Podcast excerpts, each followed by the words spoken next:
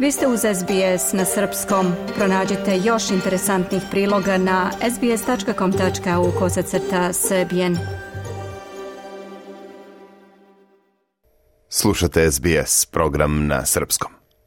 Naučnici su krajem prošle sedmice objavili prve snimke koje je zabeležio Europski svemirski teleskop Euclid – Ovaj teleskop lansiran je 1. jula ove godine sa Cape Canaverala na Floridi, a predviđeno je da njegova misija traje narednih šest godina, tokom kojih treba da napravi najsveobuhvatniju 3D sliku kosmosa ikada napravljenu. Five, four, three, two, Nešto više od četiri meseca nakon lansiranja prvi snimci sa Euklida prikazuju zapanjujuću svetlucavu kolekciju galaksija kojih ima toliko da se ne mogu ni izbrojati. Također napravljen je i panoramski snimak magline zvane konjska glava koja je smeštena na samom obodu Orionovog pojasa preko 1300 svetlosnih godina od zemlje. Prve objavljene slike pokazuju izuzetne kapacitete teleskopa Euclid, kaže Johannes Laureis, naučnik koji radi na ovom projektu Evropske svemirske agencije ESA.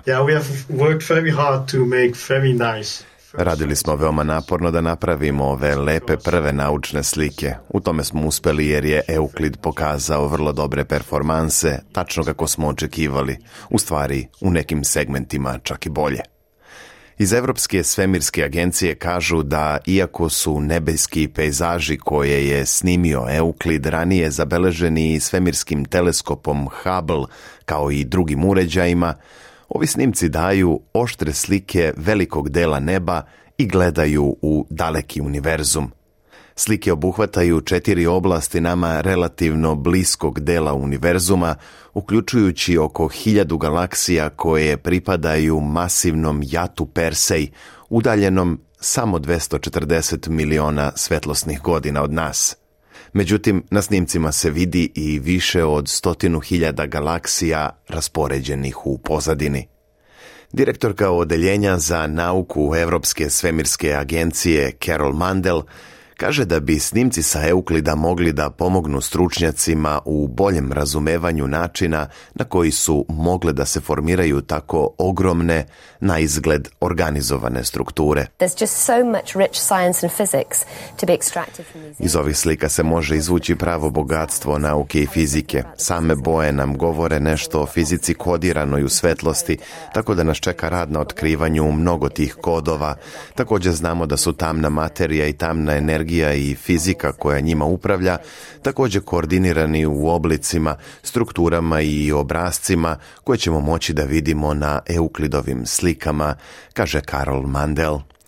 Prema rečima generalnog direktora ESA Jozefa Ašbargera, ova misija se međutim ne odnosi samo na nauku.